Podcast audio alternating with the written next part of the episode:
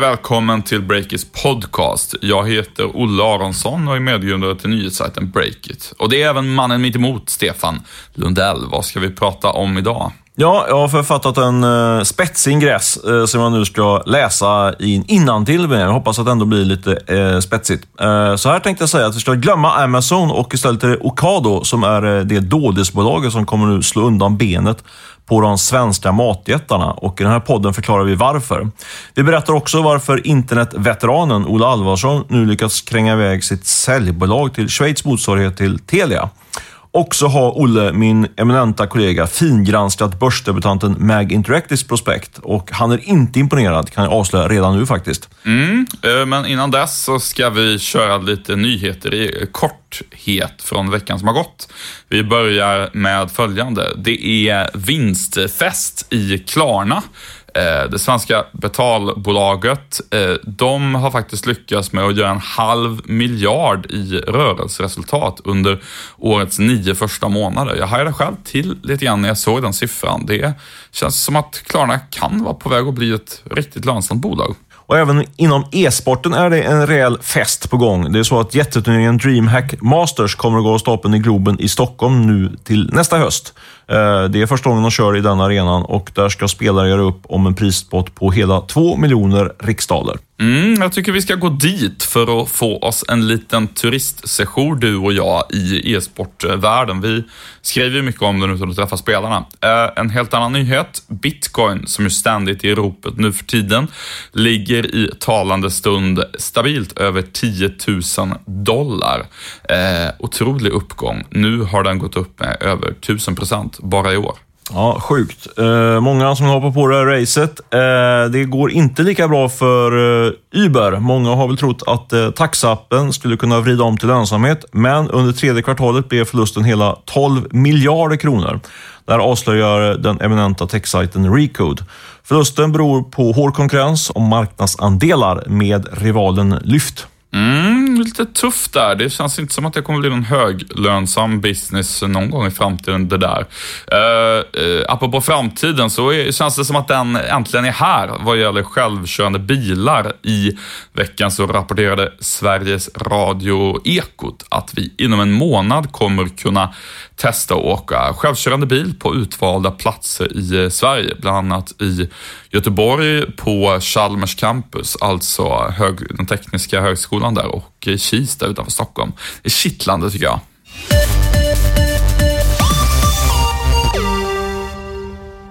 Breakers podcast sponsras hela 2017 av Rackfish, premiebolaget inom hosting som också är specialiserad på något som är riktigt hett just nu, video. Mm. Rackfish har en streamingtjänst som heter Streamio som används av stora företag, kommuner och offentlig sektor samt en hel del startups. Eh, det går att bygga in Streamio i din sajt med ett enkelt API och givetvis kan du göra livesändningar, vilket också är väldigt populärt just nu. Mm, härligt. Kanske något för julfesten? Ja, kanske det. Det är kanske något vi ska prova. Eh, annars har ju Rackfish tidigare skött hosting och leverans av video åt internationella varumärkens reklamfilmer, till exempel åt Adidas och skomärket eh, Converse. Mm. Låter det intressant så ska du gå in på rackfish.com eller så ringer du vdn direkt, Johan Olde, på telefonnummer 08 425 018 18. Alltså 08 425 018 18. Så hjälper han dig vidare. Stefan, du var väldigt exalterad över att Ocado är på väg in i Sverige. Eh, själv har jag aldrig hört talas om Ocado. När du först sa att du ville prata om det i podden så trodde jag det var något stålteknikföretag som finns någonstans i eh, i eh, mellan och... Eh, Ovako-stil heter det. Ja, just det. Så heter det. Det finns väl kanske i Finland och norra Sverige misstänker jag. Men vad är Ocado för någonting? Ja, eh, det är ett brittiskt bolag som har varit, faktiskt får man säga, hett inom, inom lagerhantering. Det låter inte så hett den branschen, men det, det är, är faktiskt en väldigt spännande spelare. De, de har kört e-handel för mat i London under ganska många år nu och det var där jag först fick reda på det här bolaget när jag var korrespondent faktiskt i London. Eh, då, redan då var det hett, eh, förlorade väldigt mycket pengar, men nu har de byggt upp ett system som som gör, man kan säga att det är egentligen ett helt eh, automatiserat lager eh, där man eh, packar i matvaror helt enkelt då i, eh, i kassar som sen körs ut till kunderna. Annars är det normala när man säljer mat på nätet att folk går och eh, packar de här kassarna, oftast i butikerna när de är stängda eller tid på morgonen. Eh, Men nu, eh, det nya nu då med, med Ocado som eh, avslöjas utav branschsajten ICA-nyheter, det är att just ICA är på väg att köpa in det här systemet i Sverige och det är eh, väldigt spännande tycker jag. Just det, så att eh, det här är ett helt enkelt väldigt avancerat robotlager så att man ja, förmodligen kan få högre lönsamhet i att sälja mat online lite förenklat. Det är det som är, är vad det är och syftet med det. Mm, man kan säga att, eh, att eh, de stora matjättarna och de utmanarna på den svenska marknaden, de står lite grann inför någon form av skifte nu på marknaden. De har ju börjat ta fart, eh, e-handeln på av, eller försäljning av mat på nätet, men fortfarande är det ju bara ett par, tre procent sådär, så, eh, som, eh, som omsätter. Men det börjar ändå bli så pass stort att det börjar bli trångt helt enkelt i butikerna. Många av de stora Eh, de flesta stora, stora eh, aktörerna, alltså ICA och eh, Axfood framförallt tänker jag på, de, de pockar ju eh, kassarna då i butik. Eh, men eh, de lokala lagren börjar nu bli för små helt enkelt. Så man står inför antingen beslutet beslut att man ska bygga ett eget stort lager eller centralt lager då, eller att man då kanske köper in den här tjänsten från Ocado. Nu verkar det som att eh, ICA då eh, lutar åt det senare alternativet och det tycker jag är väldigt intressant faktiskt. Ja, verkligen. Det är, vi har ju själva suttit och pratat om budget och nysatsningar och sånt för nästa år och eh, våra små företagsledardiskussioner, de eh, framstår ju som eh, pyttesmå, närmast obetydliga jämfört med, jag kan tänka mig ledningsgrupperna på ICA och de här, de sitter och fattar väldigt, väldigt stora och långsiktiga investeringsbeslut där kring, kring hur de ska hantera sina lager med robotar. Ja, men jag pratade faktiskt med, med eh, folk som har lite insyn i de där. För Ocado har varit runt och snackat med, med alla de stora nordiska aktörerna och försökt sälja in det här systemet. Eh, de har för övrigt en, en svensk faktisk eh, affärsutvecklingschef som är ansvarig för Norden. Och han bearbetar ju de olika aktörerna och vad jag förstår så är en sån här investering i ett sånt här robotlager då, som ICA eventuellt ska göra, den går ju typ inte skriva av. Det är hårdvinklat, men alltså det är på många, många, många års sikt så måste man skriva av en sån investering. Det pratar, vi pratar om många miljarder som måste investeras i, i ett sånt här system. Och om vi, för de som inte kan så bokföringstermer och så, typ jag, eh, vad innebär det att man inte kan skriva av den? Ja, men det är ju fel. Man kan ju såklart skriva av den, men man måste skriva av den på många, många år. Och det, alltså det är, man tar ju först kostnaden eh, på, upfront, så att säga. Man pröjsar x miljarder, men sen så kan man då bokföringsmässigt dela upp den under, under ganska många år och då eh, påverkar det inte resultaträkningen eh, första året, vilket gör att eh, det ser lite mer behagligare ut för, för aktieägarna kan man säga. Just det, men egentligen så handlar det om att investeringen är så stor så att det är väldigt, väldigt många år innan man liksom kan se att oj, nu blev den lönsam. Kan man säga så? Ja, och sen så tror jag att eh, det man är osäker på det är om den någonsin blir lönsam. För Ocado har ju haft, är ju väldigt stora i eh, Londonområdet där det bor sjukt mycket folk på en väldigt liten yta egentligen. Eh, och där går det ju att på ett helt annat sätt räkna hem en sån här investering. Medan i Sverige bor vi ju mer utspridda. Så det kan ju vara så helt enkelt att det blir en gigantisk felinvestering för, för ICA eh, om man gör den här investeringen. Men det kan också vara, eh, som om man ska se det från positivt ett sätt för ICA att lite grann runda eh, Coop och, och Axfood eh, och springa om dem i digitaliseringen. Eh, för de har ju legat rätt mycket efter ICA, men, nu, men om man skulle investera i sånt här Sånt här, eh, sånt här lagersystem skulle man ju få eh, en turboeffekt liksom på hela sin digitalisering, vilket gör det väldigt intressant. Just det. Ja, intressant det där. Det är ju... Um ska man säga, det, det, har ju varit någonting där det har rekryterats väldigt mycket personal under de senaste åren. Det är inte så omskrivet, men just så logistikfastigheter, e-handel och alla lagerarbetare som, som ska jobba där. Det har ju varit en yrkeskategori som måste ha vuxit väldigt mycket de, de senaste tio åren. Men eh, Ja, men det är intressant att säga det, för liksom, det kan man ju se på alltså andra e-handlare, andra e-handelssegment. De ligger ju före eh, matsegmentet och där har det ju varit en stor konkurrensfördel att man eh, har investerat i, i den här typen av robotiserade lager. Då. Eh, haken, eller det svåra för, för mat, eh, mathandeln är ju att det är mycket svårare att hantera mat jämfört med böcker liksom, i, i robotiserade lager. Eh, och där har, men nu verkar det då som Ocado kommer med en lösning som verkligen går, och, går att använda. Liksom. Att man kan... Måste vara robotar med lite mjukare fingrar sådär, så att de inte krossar tomaterna. Ja, men exakt. Och gå, gå, gå gärna in och kolla på vår sajt. Vi har en kort liten video som demonstrerar det här. De används av sugproppar när de plockar upp tomaterna faktiskt. Rent Eh, ja, bokstavligt talat. Så alltså. det, ja, det, det är fascinerande. Eh, jag vill bara lägga till en sak till här i det här resonemanget och det är just kring det här eh, vägvalet. Då. Det, det som man då sitter och, och, och kliar sig i huvudena på, på de här stora eh, matjättarna just nu, det är ju liksom hur stor kan den här eh, e-handeln bli i Sverige? Tittar man i London då så är den ju på en 7-8 procent. Eh, och det är frågan om om det är liksom lönsamt att ta de här stora investeringarna som, som det innebär att, att göra en Ocado-investering så att säga. Och det skulle kunna vara lönsamt till exempel i Stockholm men inte i Malmö och så vidare. Ja, precis. Och det här är ju någon form av nationella lager om vi pratar om då. Så, så men liksom, bettet är lite grann om det skulle bli som i London eller om det kanske kan bli som, som då, där det är, som är mest extrema, mest framgångsrika. Sydkorea hörde jag igår, 16-17 procent av eh, mathandeln sker via nätet där redan. Så då är det frågan om hur, hur digitala vi är och hur stor andel som kommer bli där. Och det får ju liksom konsekvenser om man ska ta det här stora bettet eller inte, eller om man ska bygga, bygga, bygga själv. För det, det kommer bli så att man, man, det är ändå, man kan ändå se att det är så pass stort det här, så att det kommer bli så att man får göra stora investeringar i egna lager, eller så får man gå liksom Ocado-spåret eller någon annan leverantör. Då. Det är väl det som man står och funderar på nu bland, bland de stora mataktörerna i Sverige. Ja, spännande. Du, hur tror du att Axfood och Coop, alltså Axfood ligger ju bakom Hemköp och Willys och ja, Coop är gamla klassiska Konsum, en gång i tiden hette det så. Um, hur, hur, tror du att de reagerar på den här nyheten om att ICA förmodligen kommer köpa in Ocados uh, eh, teknik?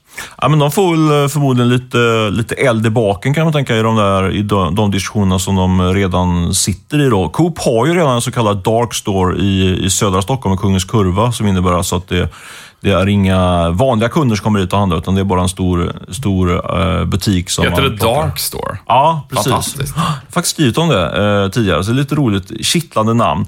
Uh, och Då kan man kanske tänka sig att de har lite grann valt Coop då. Jag vet inte, men Axfood är väl, tror jag står precis i valet mellan om man då ska bygga, eller bygga själv eller om man ska köpa in sig i Ocado. Men jag tror att det beslutet tas väl inte Eh, Eh, det här vet jag inte, men det var spekulerat. Det, det tas liksom inte i närtid, utan det är väl något, en pågående process. Liksom. Men det är klart att eh, ICAs, eh, som det verkar, då, beslut eh, tror jag ändå sätter fart på de diskussionerna. Mm, ja, men intressant där. Det är ju... Eh, ICA har ju, det är ju en så kallad, eh, vad ska man säga, de som har köpt aktier i ICA, de gillar den för att den ger liksom stabil vinst och utdelning varje år. Då kanske det är inte det första man gör eller att man liksom säger att ah, nu får ni ingen utdelning här kära aktieägare, vi ska bygga det här fina robotlaget. Mm. Eh, det, det, kan man alltid få, få kritik för. Um... Så är det nog. Nu tror jag inte att de kommer att fimpa utdelningen, det vore lite väl dramatiskt. Men, men det är ett stort strategiskt val som ICA står inför och vi vet ju inte om det är sant eller de har inte velat gå ut och säga någonting annat. Men enligt Även Ica... om det var ICA-nyheterna Ja, precis. Men de är, det är ett härligt namn. Meta. Där. Ja, men de är faktiskt fristående från ICA tror jag. Men de brukar ha väldigt bra koll på vad ICA har för sig. Vi får se vad som händer helt enkelt. Den här veckan sponsras podden av Credstep, ett fintechbolag som ingår i Saveland-koncernen.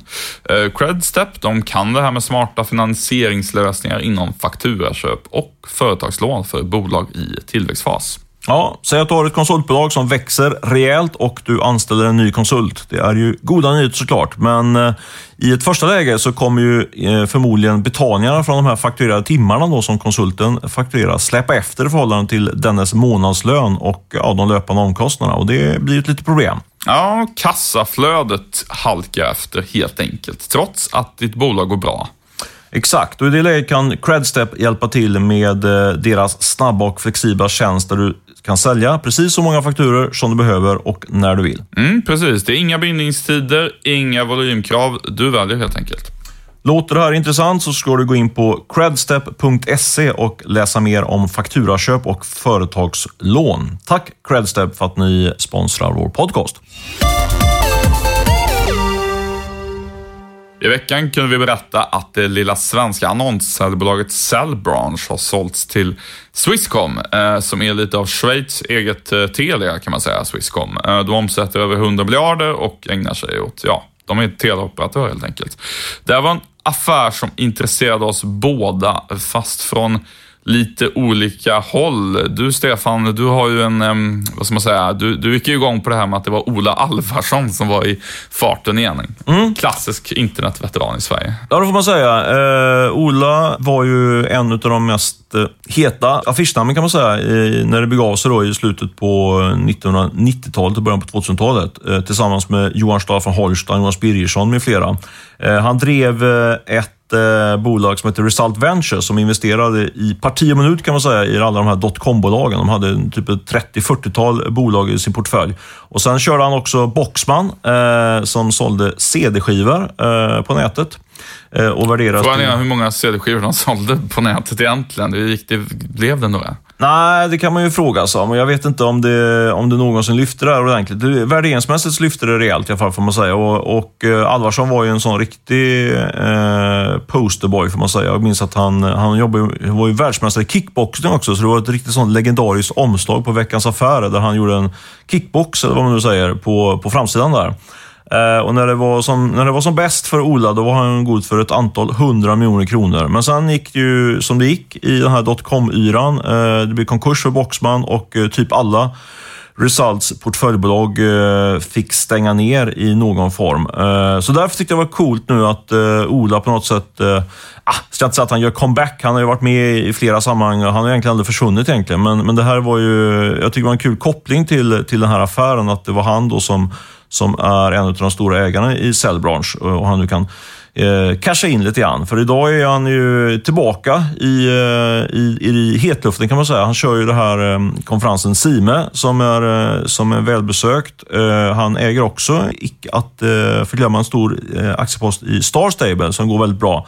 Eh, som är ett, hur ska man beskriva det? det är, Det är World of Warcraft för hästtjejer kan man säga, lite förenklat. Det Ja, är tack. Bra. he- Helt, du, du, du rider runt i en virtuell värld med dina kompisar. Det ser jättemysigt ut. Jag hade Ja, provat. jag tror det omsätter typ 100 miljoner. Ja, det, det går jät- jättebra. Och sen så kör han ju det här, kan man då, om man säger lite taskigt, eh, kontorshotellet Epicenter eller Coworking Space som man vill göra lite mer spaceat. Eh, Och det växer också knakar. De sitter, finns ju på flera ställen i Stockholm.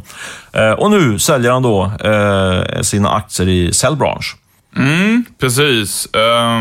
Och det kan ju tyckas vara lite ehm, otippat. Om vi tänker oss att eh, du, Stefan och jag, vi drev tillsammans en schweizisk teleoperatör. Det det kanske inte är det första man skulle få för sig att köpa ett annonssäljbolag i Stockholm av, av Ola Alvarsson där. Det, Nej, verkligen inte. Jag måste erkänna, alltså jag gjorde en intervju med Ola Aronsson för något år sedan, två tror jag. Då nämnde han det där, såg jag i intervjun som jag nu tittar på innan vi började spela in. Där. Men eh, icke förty så blev jag, väldigt, eh, blev jag innan dess, då, innan jag gjorde min egen lilla research om min egen artikel, väldigt förvånad över att eh, liksom Schweiz Telia eh, går in och köper ett annonssäljbolag i Sverige.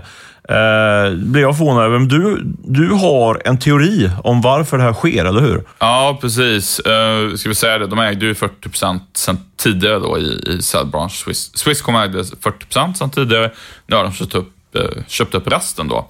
Eh, och det här är ingen teori som jag har som jag är ensam om, men, men jag tror att det här är en del av en global trend. Eh, telekombolag köper företag som antingen sitter på mycket annonsdata eller som äger innehåll. Ehm, och tanken är väl egentligen att eh, man ser att eh, det här med att växa som ren teleoperatör, det kan bli svårt i framtiden. När alla redan har mobiltelefon, alla har redan internet. Ehm, och det blir liksom mest bara en massa prispress på hur mycket varje gigabyte data och så ska kosta.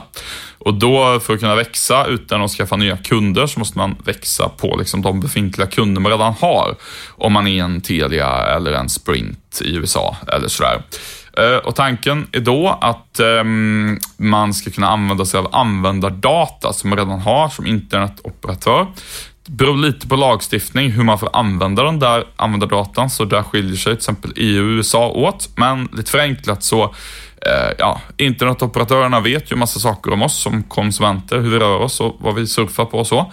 Och om man kombinerar den med data som olika annonsteknikbolag och publicister sitter på så kan man bli en maktspelare inom annonsering online och eh, i grund och botten skulle jag säga att det är den viktigaste grejen i, i liksom caset, både i Sverige och i andra länder. Så det här köpet är en, liksom en del av en större trend då. Eh, har du fler exempel på den här trenden skulle du säga? Ja, men det är väl de här stora affärerna som har varit i USA. Eh, Verizon, stor eh, mobiloperatör, köpte ju AOL, eh, som bland annat äger Techcrunch, som ju jag brukar säga är eh, USAs svar på Breakit. Um, de eh, har jag måste flika in att jag tror att Ola Allvarsson älskar att, vi, att han liksom nämns i samma, samma, att den här affären nämns i samma sammanhang som AOL och AOL. Ja, nej, men det, det är ju av en helt annan dignitet. Men så här, det, det, blir omöjligt att förklara varför Swishcom köper Cellbranch om man inte liksom använder sig av den här trenden som grund. Så absolut, jag tror du är helt rätt på det. Jag tycker bara det var roligt. Nu. Ja, ja, absolut, vi bjuder Ola på den. Eh, men utöver AOL då, American Online, som ju, ja, de, de äger massa publicister helt enkelt, bland annat um, Huffington Post. Väl. Så uh, har ju Verizon också köpt Yahoo med deras verksamheter, som också är inom online-annonsering. Och Sen har vi den här jätteomdiskuterade affären som väl är ja, årets mest uppsnackade affär i världen, typ. AT&T och Time Warner vill slås ihop. AT&T är en jättestor teleoperatör. Time Warner är ett mediebolag. De äger till exempel HBO, eh, det vill säga Game of Thrones och sånt kul. Eh, CNN, eh, som också är kul, de äger de också och massa andra grejer inom media och sådär. Eh, där har ju Trump-administrationen börjat sätta käppar i hjulet och frågat liksom, ja, ska man godkänna den där affären ur ett konkurrensperspektiv och så. Det är inte klart om USAs myndigheter kommer att släppa igenom den, men ehm, det är klart att eh, om den där affären blir av, det är, ju, är det ju enormt, får man säga. Men åter till Sverige, kan man, kan man inte se eh, alltså MTG, mediekoncernens eh, köp, eller de köpte ju en stor post i Comhem för ett par månader sedan. Är, är det liksom en del i samma trend skulle du säga? Ja, det skulle jag säga. Eh, och man kan väl lägga till att det finns lite olika drivkrafter kring det här. Om vi, varför köper MTG in sig Comhem? Uh, man kan säga så här att eh, de som har innehåll, till exempel som visar TV och TV-reklam som MTG gör, de är ju dels eh, beroende av att liksom kunna komma ut till folk helt enkelt på något sätt. De äger ju inte liksom själva ja, eh, mobilmasterna och de här liksom kablarna som går in i lägenheter och så.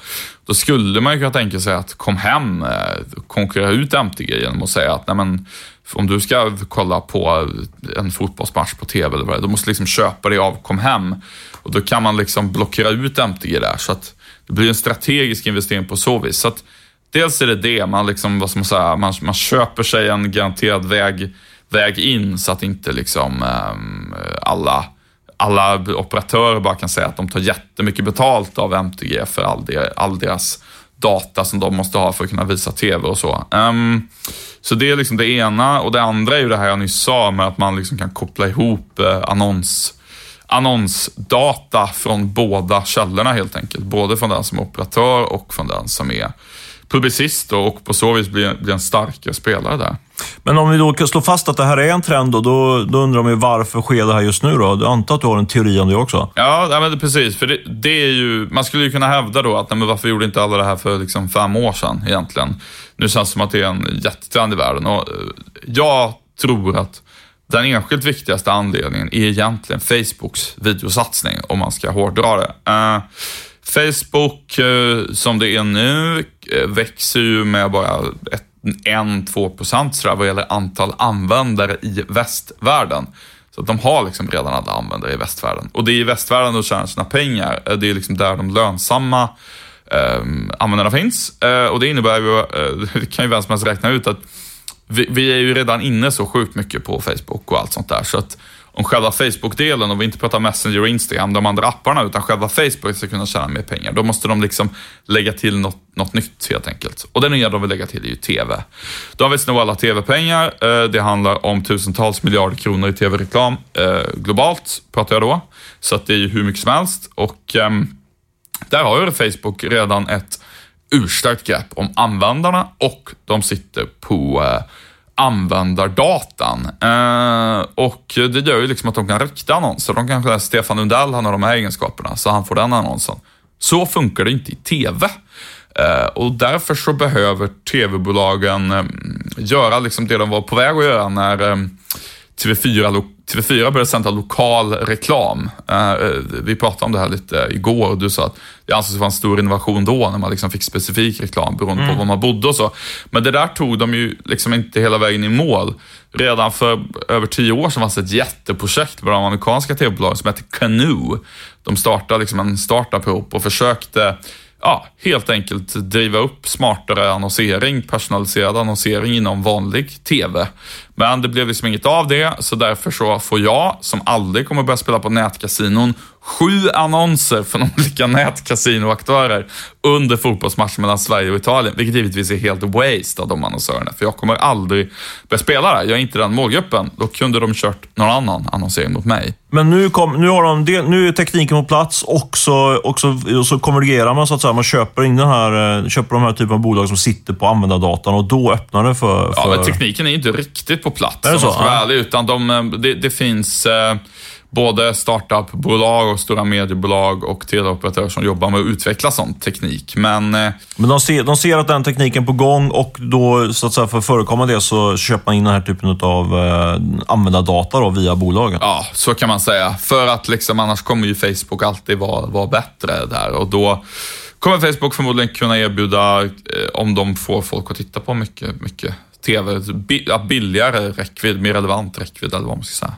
Ja, men superintressant spaning. Jag hade faktiskt inte tänkt på det förrän du nämnde det igår. Nu pratar vi om det i podden. Uh, och jag tror att du är någonting absolut på spåren där, även om du har snott no, no, bitar av resonemangen från, från internationella medier. Men så är det i, i medievärlden. Du, apropå Facebook, uh, hur går det med deras videosatsning? Ja, eh, den går väl... Ehm, den, den är väl inte riktigt igång kan man säga. Den stora satsningen i Facebook Watch då. Kan dra lite grann vad Facebook för video egentligen är ur ett kommersiellt perspektiv. Just det där, Facebook Watch är något som jag typ blivit väldigt uppmärksammad på den sista tiden. Inte minst med att jag har pratat med rätt tunga influencers. De verkar alla vara väldigt fokuserade på, på den satsningen när den ska gå live. Så absolut, uppdatera oss. Jag tror att det är superrelevant för, för de flesta som har lite eh, bett i mediebranschen på ett eller annat sätt. Nej, egentligen är det så här att om, om du och jag ska köpa tv-reklam för Breakit, då vill vi ju se till att folk tittar på den här reklamen en liten stund. Åtminstone 10 sekunder, gärna 15. Eh, och Det där är en utmaning för Facebook, för att när, i och med att folk bara får de här videosarna med autostart i nyhetsflödet på Facebook, så tittar ju folk ofta väldigt, en väldigt kort stund. Och man, det är ofta inte annonser man tittar på. Du kanske fladdrar förbi någon annons, tittar på den i fem sekunder och så. Eh, Facebook har testat att annonserna skulle komma efter det liksom redaktionella innehållet, eller vanliga innehållet. Det, blev, det var inte så populärt bland annonsörerna av förklarliga skäl. Eh, sen finns det då pre-rolls som YouTube har, eh, som användarna hatar och bara vill adblocka och skippa förbi, alltså att det kommer en annons innan innehållet helt enkelt. Och det funkar ju inte riktigt heller så som, för då scrollar ju folk bara vidare neråt i, i, i Facebook-flödet. Så därför behöver man ha mid-rolls, alltså som, som vanlig TV. Det, du blir avbruten mitt i och så kommer en annons, som i den här podden.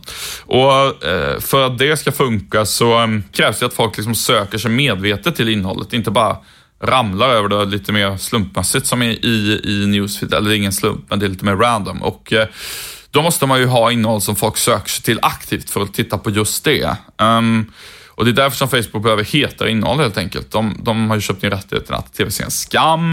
Eh, de kommer ju testa att sända sport. Eh, och det gör ju att det blir mycket dyrare med, ehm, med innehållet då överlag. Men det är också liksom så man får folk att, att vilja titta på annonser helt enkelt. Och lite, liksom, om man ska summera kring det där, så det där innebär ju att Facebook på allvar börjar kriga både med YouTube och med de här jättestora vanliga tv-bolagen, ISPN som sänder sport och allt sånt där. Och eh, det är verkligen på riktigt nästa stora grej i kommersiell mening för Facebook, att de måste få folk att gå in på liksom en watch-flik.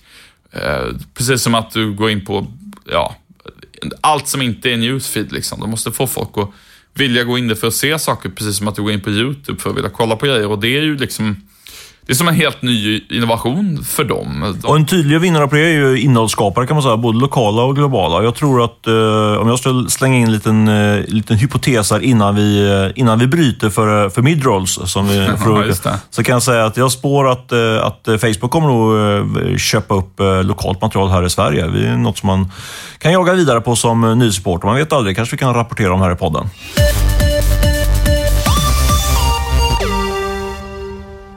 Den här podden är sponsrad av Wint, en digital bokföringsbyrå som har underlättat livet för oss på Breakit sedan dag ett. Mm, vi behöver bara lägga ett par minuter om dagen på en eh, så kallad to-do-lista från Wint där vi i princip klickar godkänd på att moms eller leverantörsfakturor ska betalas. Sen fixar Wint resten. Väldigt trevligt. Ja, verkligen. Och när jag eller någon annan gör utläggstjänsten så fotar vi bara kvittot med Wints app och sen är pengarna på kontot inom några dagar. Eh, Wint hjälper oss kort och gott att spara tid som vi kan lägga på annat, som att utveckla bolaget eller göra en podd tillsammans. Mm, det är härligt. Blir du ny kund hos Vint före den 31 januari så får du de tre första månaderna helt gratis om du anger breaket i meddelanderutan när du går in då på vint.se kontakt. Gå in på vint.se kontakt och sen så dunkar du in breaket där i meddelanderutan så får du tre månader gratis. Gör det!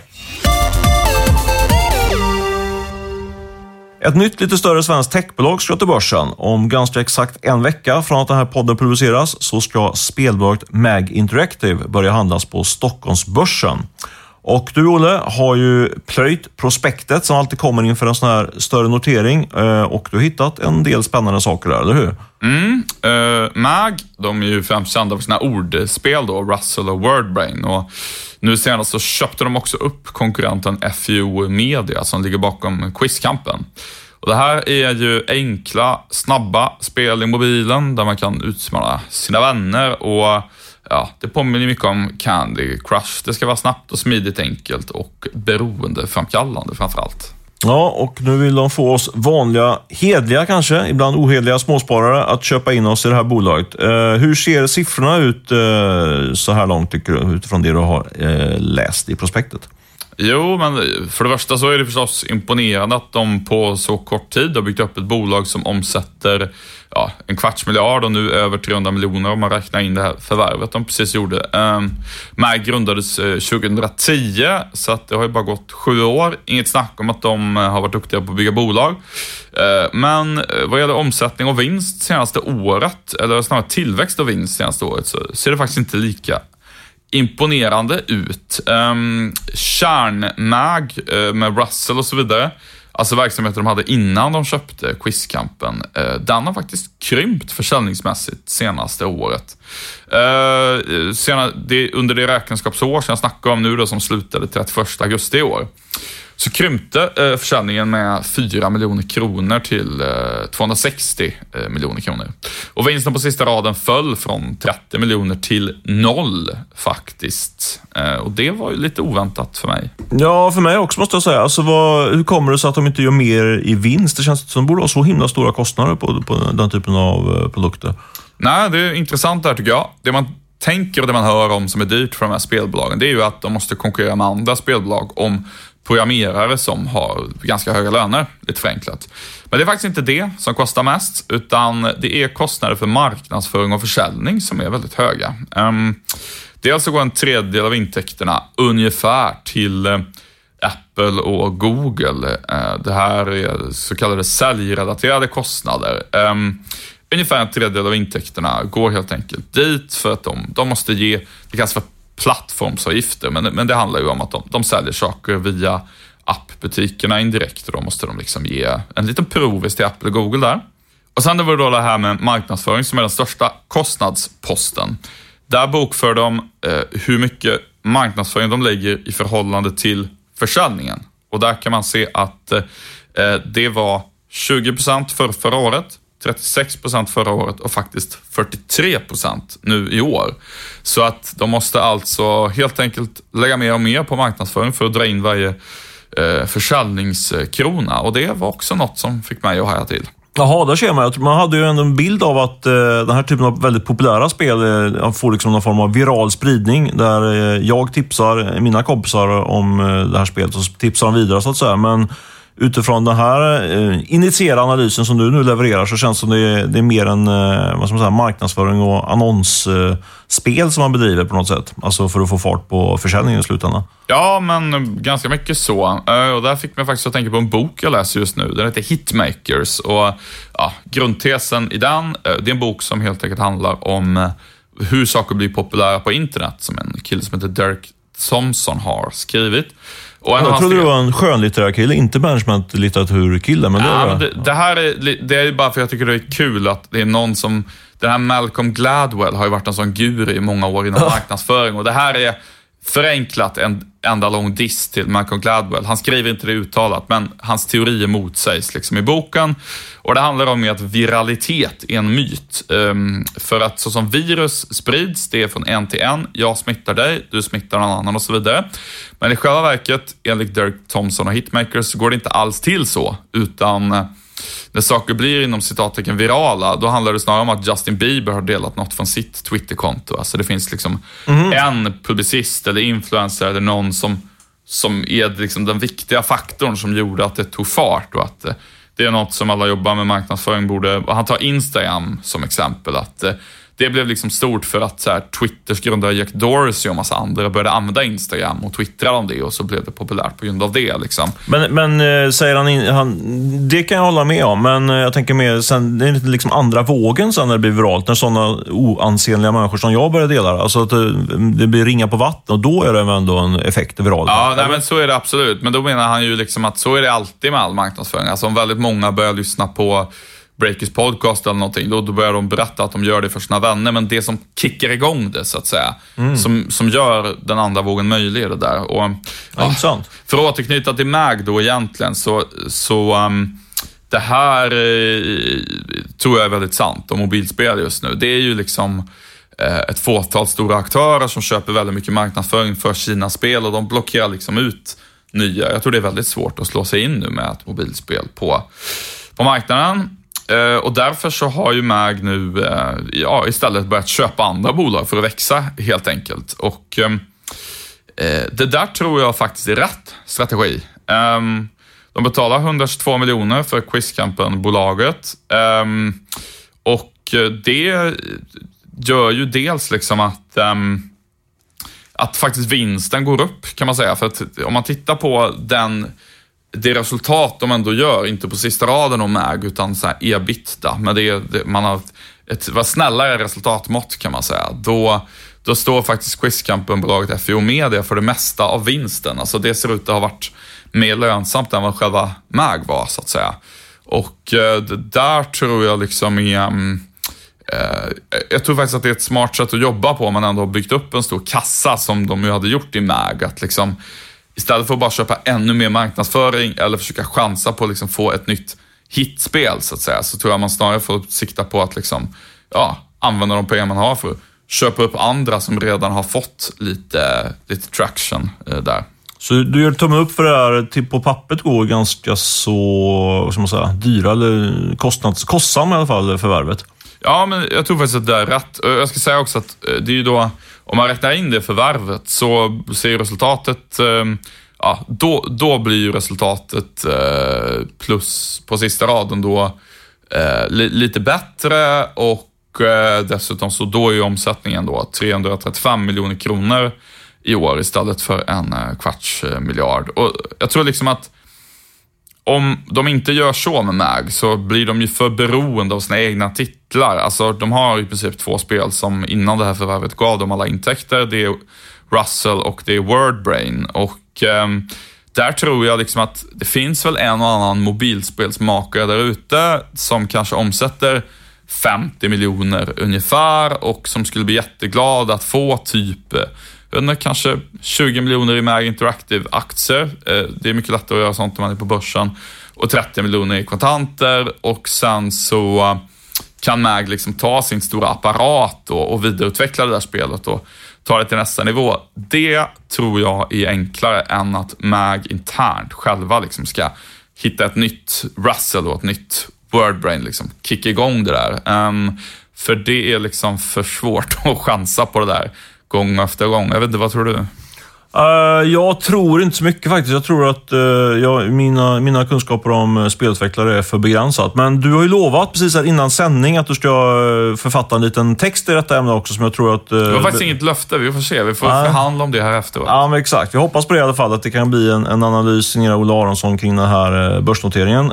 som är ändå väldigt spännande i textsegmentet då. och som är på gång i, i dagarna. Eh, men nu är det dags för oss att runda av den här podden. Innan dess ska vi såklart eh, tacka vår huvudsponsor Rackfish och eh, vi tackar också Beppo som klipper den här podden på ett föredömligt sätt. Jag säger tack och hej om inte Olle vill tillägga någonting. Nej, ta hand om er så hörs vi nästa vecka.